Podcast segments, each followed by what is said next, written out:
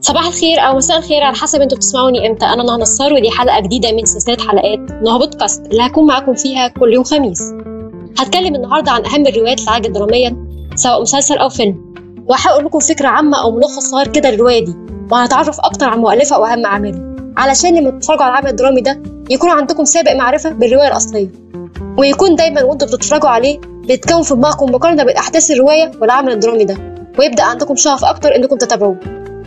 ودلوقتي هتكلم عن خامس رواية من خمس روايات اللي هيتم تجسيدهم في مسلسل ما وراء الطبيعة اللي كنت عنه في سادس حلقة.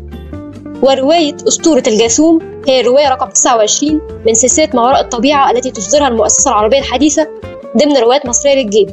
للكاتب المصري دكتور أحمد خالد توفيق. وتعد السلسلة أول سلسلة روايات عربية في أدب الرعب. وتدور أحداث الرواية عن شعور هاء بشعور غير مريح يدعوه الرحيل من القصر. وبعد العشاء تأهب هاء مع المجموعة المرافقة له بالرحيل. وكانت هذه المجموعة مكونة من إيناس ومحي وعبد الرحمن وغادة وهويدة وزوجها ومها ابنة صاحب القصر. وبعد ركوبهم السيارة التي تعود بهم إلى الإسكندرية يكتشفوا أن السيارة لا تتحرك فيعرفوا أن أحدهم قد أتلف المحرك. اضطر الجميع إلى العودة إلى القصر. لا يقضوا الليل فيه ثم يرحلون في الصباح. انغلق باب القصر خلف هاء فشعر بشعور غير مريح.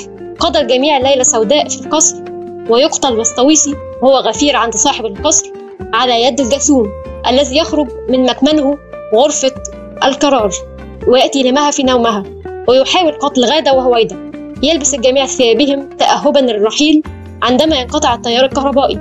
ويتمزق خادمان في القصر على يد الجاثوم يكتشف هاء في النهاية أن جده كان necromancer ويمشي الجميع تاركين هاء وإناس في القصر يحاول الأثنان الهرب عندما يباغت الجاثوم إناس ويقتلها ثم يقع هاء من النافذة ويكشف هاء مدخل حجرة ال necromancer ويحاول التخلص من الجاثوم لكنه يفشل ويستسلم لقدر الشيطان ويبدأ ممارسة فنون ال necromancy على جسد إناس والخفيرين قتيلين. بعد فشله في الهروب من مصير الشيطان وبكده انتهت حلقة النهارده من هو بودكاست ما تنسوش تعملوا like و subscribe ولو في عندكم أي اقتراح على الحلقة الجاية شاركوني بيه في ال comments. bye!